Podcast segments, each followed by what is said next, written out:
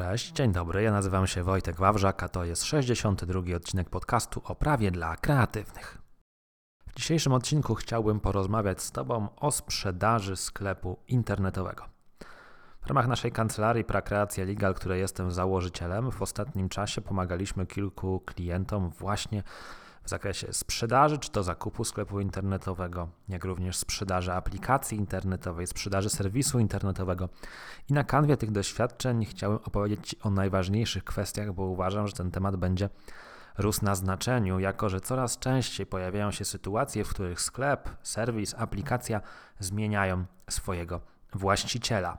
Ten odcinek poświęcony jest sprzedaży sklepu internetowego, ale to, o czym dzisiaj opowiem, tak naprawdę można odnieść zarówno do aplikacji internetowej, serwisu internetowego, wszystkich tych projektów, w ramach których gromadzone są jakieś dane osobowe, powstają jakieś bazy użytkowników, funkcjonują jakieś procesy związane z obsługą takiego przedsięwzięcia, jak to wszystko przenieść na inną osobę, o tym w dzisiejszym podcaście.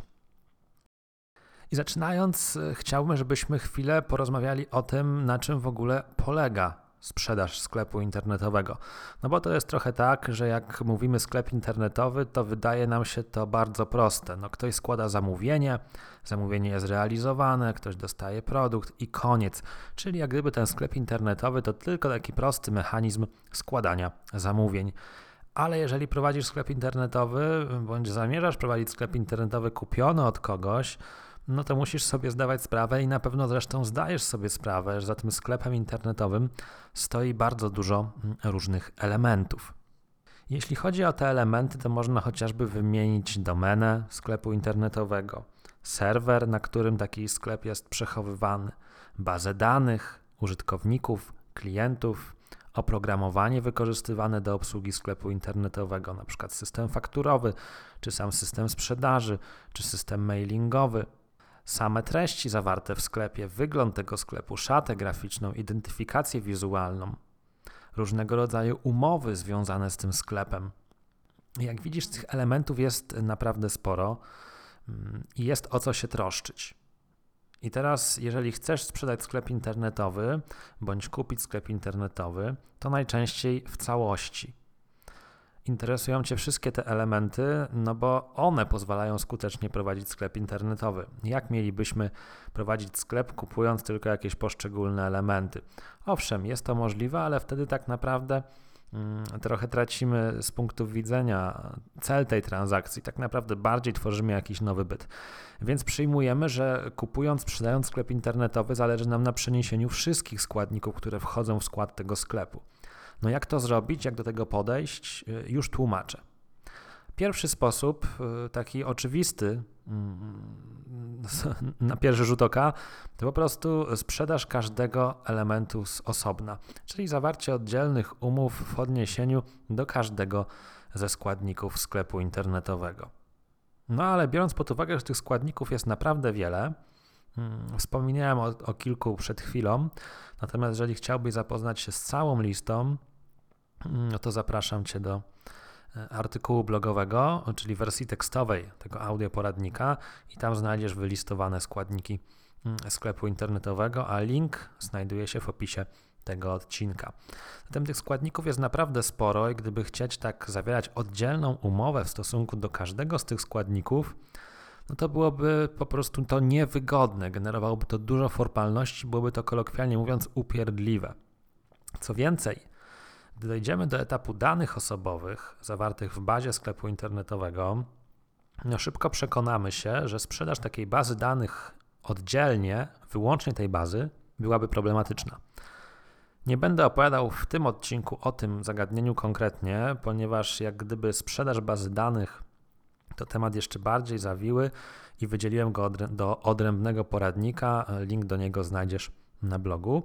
Natomiast e, dane osobowe generują poważny problem, gdybyśmy chcieli sprzedawać sklep na części, na składniki.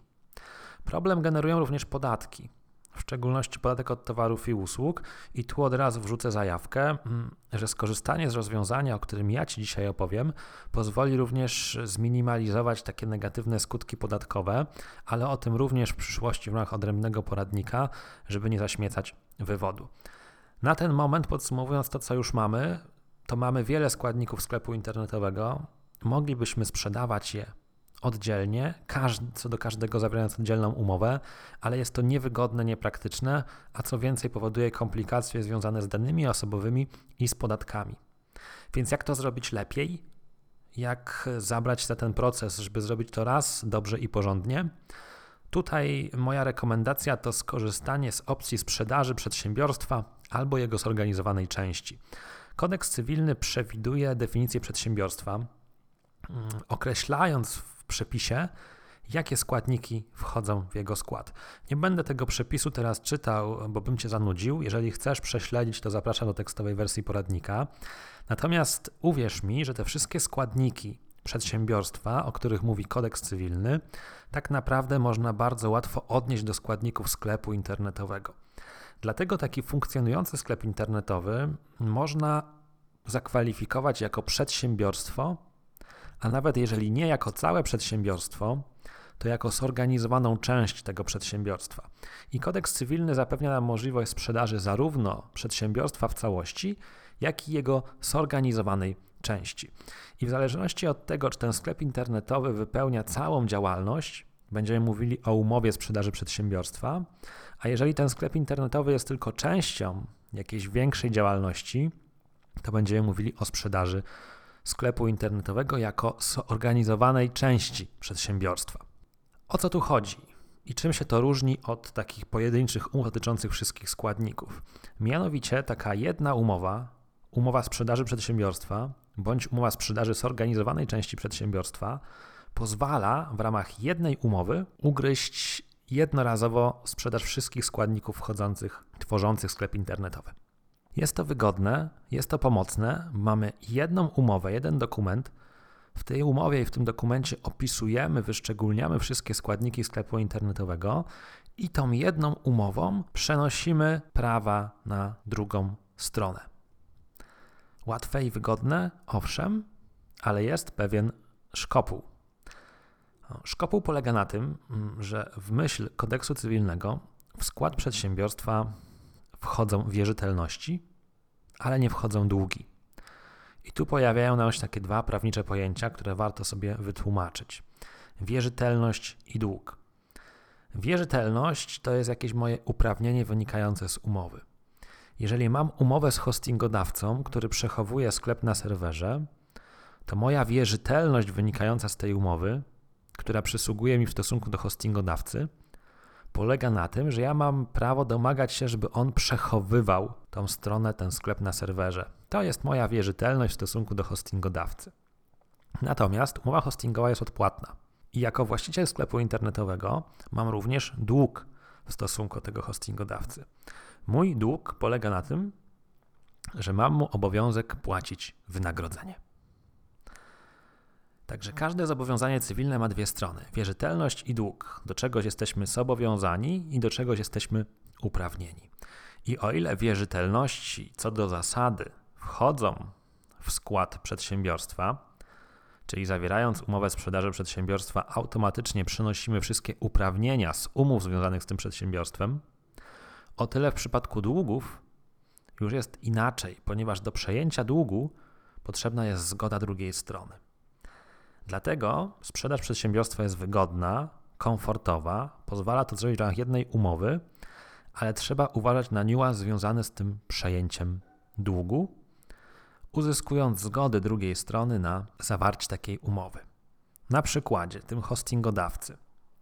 Jeżeli zawrzemy umowę sprzedaży przedsiębiorstwa, to nowy nabywca sklepu będzie mógł korzystać z tego serwera, na którym dotychczas był sklep.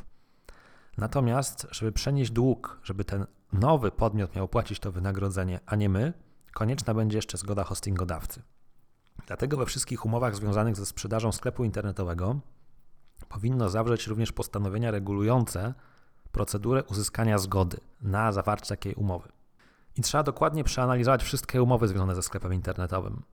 Może być to umowa z hostingodawcą, może być to umowa z operatorem domeny, może być to umowa z jakimś dostawcą oprogramowania związanego ze sklepem.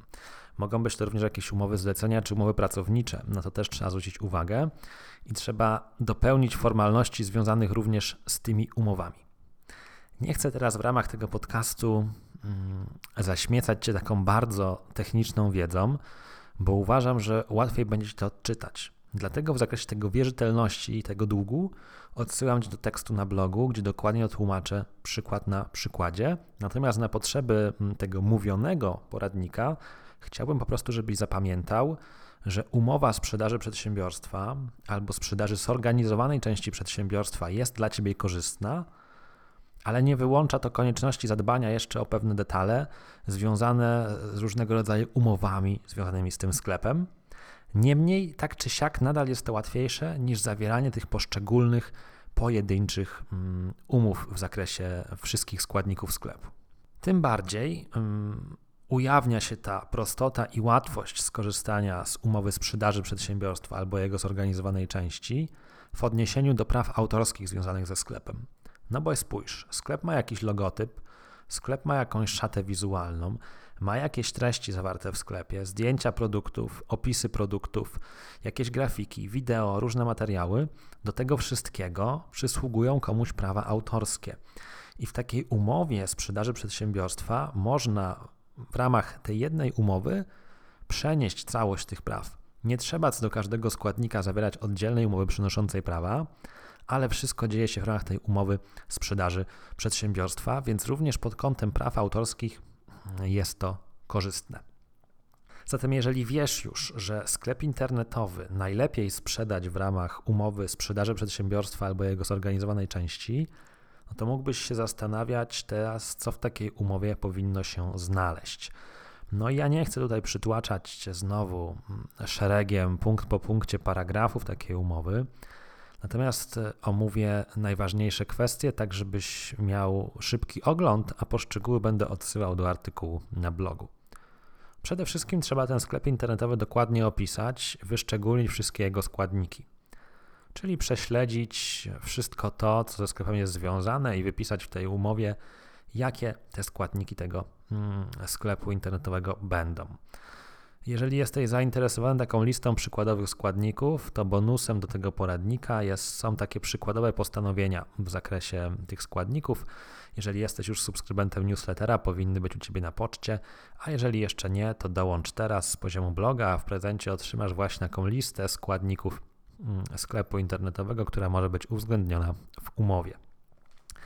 Jeżeli sobie dokładnie opiszemy te składniki sklepu internetowego, to takim kolejnym punktem będzie również procedura wydania tego sklepu, czyli przewidzenie, w jaki sposób ten nabywca wejdzie we władanie tych wszystkich składników. Kiedy mu przekażemy dostęp do serwera, w jaki sposób, czy wydamy mu pliki, czy nie wydamy mu plików, bo one wszystkie będą na serwerze, jak wszystkie profile w mediach społecznościowych zostaną objęte przez nowego nabywcę. Im bardziej szczegółowo uregulujemy tę procedurę wydania sklepu, tym lepiej, bo w przyszłości będziemy mogli się do niej łatwo odnieść. Cena takiego sklepu to oczywiście rzecz oczywista. Musimy wskazać, za jaką cenę ten ktoś kupuje, czy płaci ją jednorazowo, czy w ratach. Natomiast mniej oczywista jest wycena tego sklepu. Natomiast ten materiał nie jest poświęcony jak gdyby aspektowi wyceny, na ile wycenić, bo to jest kwestia jak gdyby rzetelnego audytu. Natomiast na pewno trzeba taką mm, wycenę zawrzeć. Na pewno w takiej umowie sprzedaży przedsiębiorstwa trzeba również zawrzeć te wszystkie postanowienia związane z tymi umowami, które wymagają jakiejś dodatkowej zgody. Przy sprzedaży sklepu powinniśmy najpierw przeanalizować wszystkie umowy związane z tym sklepem, sprawdzić ich treść, a potem podjąć decyzję, co do których umów będzie konieczna dodatkowa zgoda strony umowy, że można było ją przenieść. Zobowiązania w tym zakresie również powinny wynikać z tej umowy sprzedaży przedsiębiorstwa, żeby niedopełnienie jakichś tam procedur dodatkowych nie utrudniło nam transakcji. No i ważna kwestia to oczywiście odpowiedzialność. Odpowiedzialność nowego nabywcy sklepu i odpowiedzialność dotychczasowego właściciela sklepu związana z tym, co w tym sklepie się do tej pory działo. Takie kwestie również w umowie powinny być mm, przewidziane.